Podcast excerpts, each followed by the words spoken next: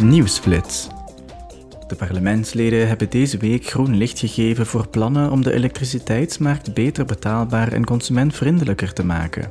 De Commissie Industrie, Onderzoek en Energie van het parlement wil mensen beter beschermen tegen prijsschommelingen. De betrokken parlementsleden stelden speciale contracten en langdurige koopovereenkomsten voor om investeringen in energie aan te moedigen. Ze vroegen ook om meer bescherming voor kwetsbare huishoudens om te voorkomen dat hun elektriciteitsvoorziening afgesloten zou worden.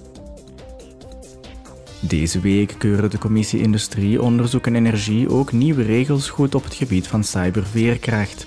Een uniforme reeks eisen voor cyberbeveiliging moet ervoor zorgen dat alle producten met digitale toepassingen in de EU veilig gebruikt kunnen worden en bestand zijn tegen cyberdreigingen.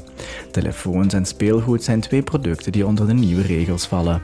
Volgens de parlementsleden moeten beveiligingsupdates ook automatisch worden geïnstalleerd als dat technisch haalbaar is.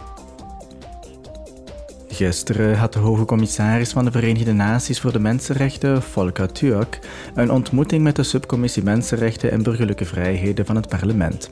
Tijdens de bijeenkomst bespraken ze de resultaten en wereldwijde uitdagingen op het gebied van mensenrechten.